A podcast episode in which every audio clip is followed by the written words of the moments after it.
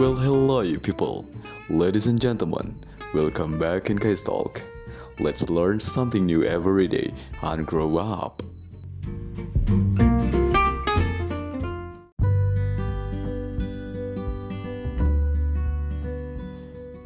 Selamat gini hari buat yang dengerin. Balik lagi sama gue Kai sendiri di sini tentunya. Yang tadi itu awal itu opening baru tuh.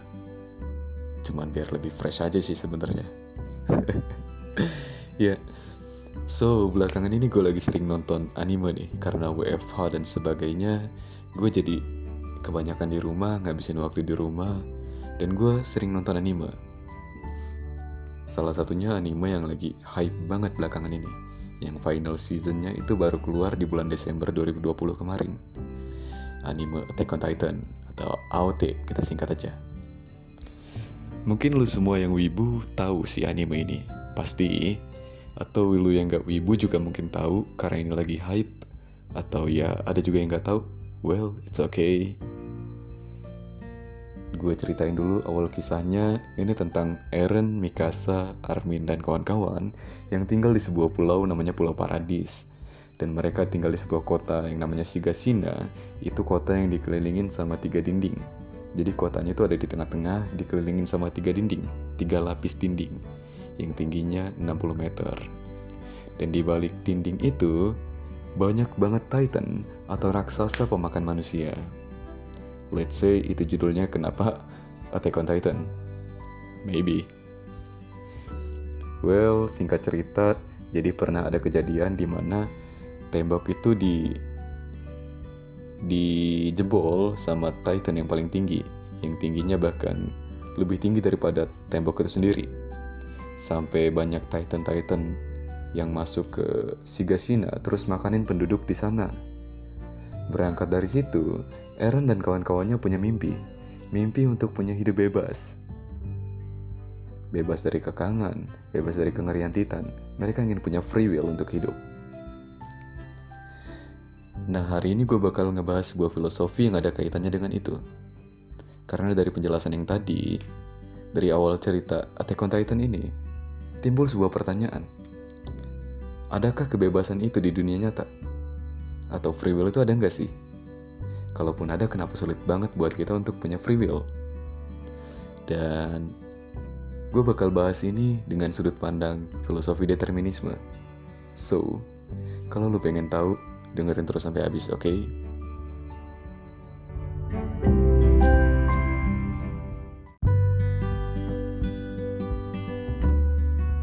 Sebelumnya, apa sih filosofi determinisme itu? Determinisme adalah sebuah filosofi yang ngejelasin bahwa semua peristiwa yang pernah terjadi itu memiliki sebuah hukum sebab akibat. So, apa pun yang terjadi sama lu saat ini, kayak misalnya lu mau pacaran dengan siapa pun, lu sekolah di sekolah mana pun, kuliah di universitas mana pun, kerja di mana pun dengan gaji berapapun, itu bukan sebuah kejadian yang kebetulan, tapi karena ada hal di masa lalu yang mempengaruhi peristiwa ke depannya, atau disebut kausalitas, hukum jika maka. Jika A, maka B. Tokoh yang terkenal dari determinisme ini namanya Demokritus, seorang filsuf dari Yunani. Dia bilang, gak ada satupun hal di dunia ini yang terjadi secara random, terjadi secara acak. Be random is never exist. Jadi semua hal itu terjadi karena adanya sebuah alasan karena kebutuhan. Contohnya ya, gak usah jauh-jauh deh.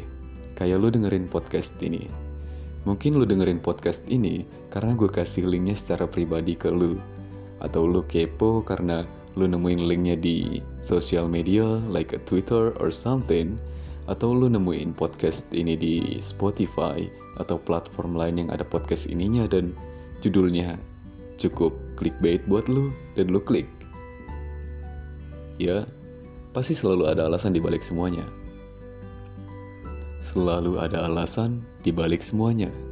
Gak ada kejadian yang tiba-tiba udah kejadian aja gitu. Gak ada alasannya. Tahu-tahu, ya udah. Nope, gak ada yang kayak gitu.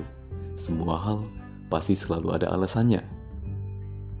Walaupun alasannya kayak ya cuman sekedar pengen aja.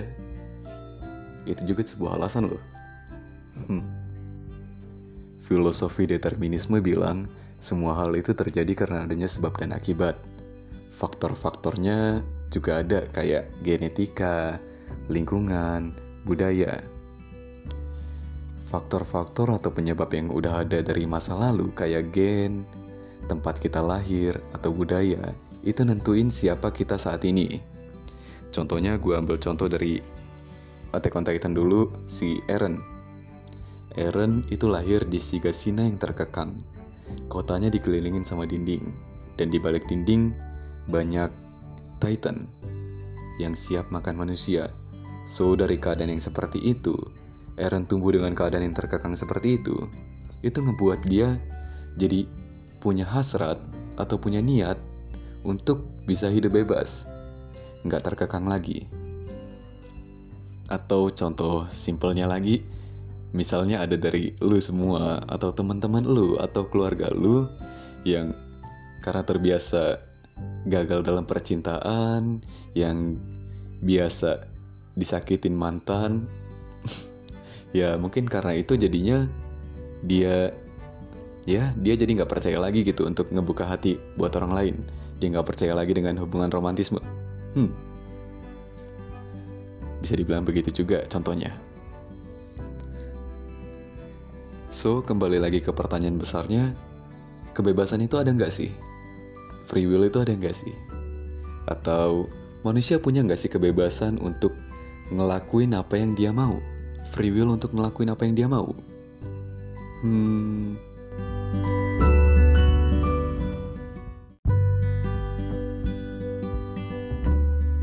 Well, kalau menurut filosofi determinisme, yang namanya free will itu nggak ada free will didn't exist and never exist. Alasannya ya karena ada hal yang bahkan udah terjadi, bahkan sebelum kita lahir. Contohnya nih, contohnya, kita nggak bisa memilih untuk lahir di keluarga mana dan kondisi yang seperti apa. Kondisinya sudah ada sebelum kita lahir. Orang tuanya sudah ada sebelum kita lahir. Kita nggak bisa memilih. Kita nggak bisa milih untuk lahir dari orang tua yang beda, dari kondisi yang beda. Kita cuma bisa terima aja. Udah lahir di situ dengan keadaan yang seperti itu. Ya udah terima aja. Gak bisa kita memilih. Bener gak? Bener dong. Segala hal masa lalu, masa kini, dan masa depan itu merupakan rangkaian peristiwa yang saling berkaitan. Gak ada satu kondisi pun yang bisa dihindarin. Jadi kita nggak bisa ngehindarin masa kini, kita nggak bisa ngehindarin masa lalu, juga nggak bisa ngehindarin masa depan. Semuanya udah rangkaian yang saling berkaitan, nggak bisa dihindarin. Masa kini ada karena adanya masa lalu, masa depan ada karena adanya masa kini. Kita masa kini itu hasil dari masa lalu, dan kita di masa depan adalah hasil dari kita masa kini. Hmm, balik lagi, ya kehendak bebas atau free will itu nggak ada Kebebasan itu nggak ada. Benar-benar kebebasan itu nggak ada. Contoh konkretnya, kita nggak bisa memilih benar-benar kita mau kuliah di mana, di jurusan apa. Kita nggak benar-benar bisa memilih itu. Kenapa gue bilang begitu? Kita bisa aja daftar, memang kita bisa daftar. Tapi apakah yakin kita akan diterima? Mungkin kita tidak qualified untuk masuk di situ.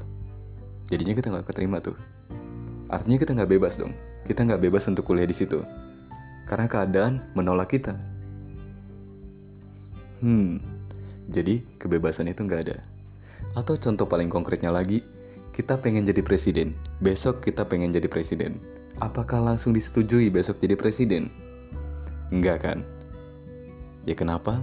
Kita tidak qualified untuk jadi presiden besok.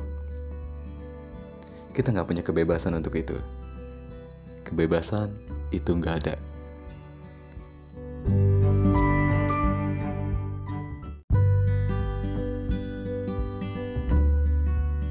Walaupun yang namanya free will itu nggak ada, walaupun kebebasan itu nggak ada, tapi nggak selamanya seburuk itu juga.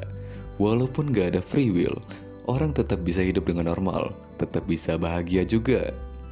Menurut filosofi determinisme, walaupun kita nggak punya free will untuk apa yang kita pengen, kita nggak dapat free will untuk apa yang kita mau, Tapi masih banyak banget hal yang bisa kita lakuin. Banyak banget hal yang masih bisa kita kontrol. Contohnya kayak perilaku kita atau juga persepsi kita. Karena hidup akan terus berjalan ke depannya. Filosofi determinisme di sini ngajak kita buat coba mikirin hal-hal positif yang bisa kita lakuin. Ya, ngejalanin hidup dengan lebih bermakna misalnya. Karena apa yang kita lakuin di hari ini, peristiwa yang kita alami di hari ini, itu bisa ngaruh ke peristiwa yang akan kita alami di masa depan. Kayak yang gue bilang tadi, masa depan adalah hasil dari apa yang kita lakukan di masa kini. Misalnya, kita memilih untuk self-development hari ini dengan baca buku atau kegiatan lain, atau sesimpel lu dengerin podcast ini terus lu dapat pelajarannya. ya mungkin efek ke depannya lu bisa jadi lebih wise dalam menanggapin kondisi lu atau lu lebih banyak tahu wawasan lu jadi lebih luas atau lu juga mungkin bisa jadi lebih bahagia maybe buat hidup lu lebih bermakna dengan ngelakuin hal positif Ya bisa sesimpel lo ngerjain skripsi, lo belajar di sekolah dengan bener, atau lo ngerjain kerjaan lo di kantor dengan bener. Nanti pelan-pelan bakal ada progresnya juga. Selain improve diri sendiri, sangat memungkinkan juga lo ngebantu dan nyebarin hal positif itu ke orang lain juga. So, jangan pernah ngabisin waktu lo buat hal-hal negatif, hal-hal toksik yang justru malah nurunin kualitas lu. Tetap stay positif, berpikir positif, lakukan hal-hal positif, tetaplah jadi orang baik juga. Karena apa yang lu tanam hari ini, itu adalah apa yang lu tuai nantinya di kemudian hari. Walaupun kita nggak bisa ngontrol masa depan, seenggaknya kita sudah mencoba. Walaupun kita nggak bisa ngerubah banyak hal, tapi seenggaknya kita bisa ngerubah diri kita sendiri untuk jadi lebih baik. So, keep positive.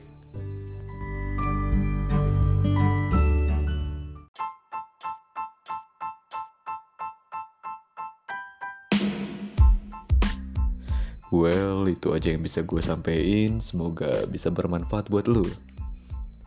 Gue sangat bersyukur kalau itu bermanfaat buat lu. Dan terima kasih banyak buat yang sudah mendengarkan. Gue sangat mengapresiasi lu semua yang dengerin. ya, tetap jaga kesehatannya, tetap jaga jarak karena pandemi masih belum selesai. Dan yang terpenting juga tetap jaga senyumnya, oke? Okay? Ya, gue harap lo selalu bahagia. Gue Kai pamit undur diri. See ya.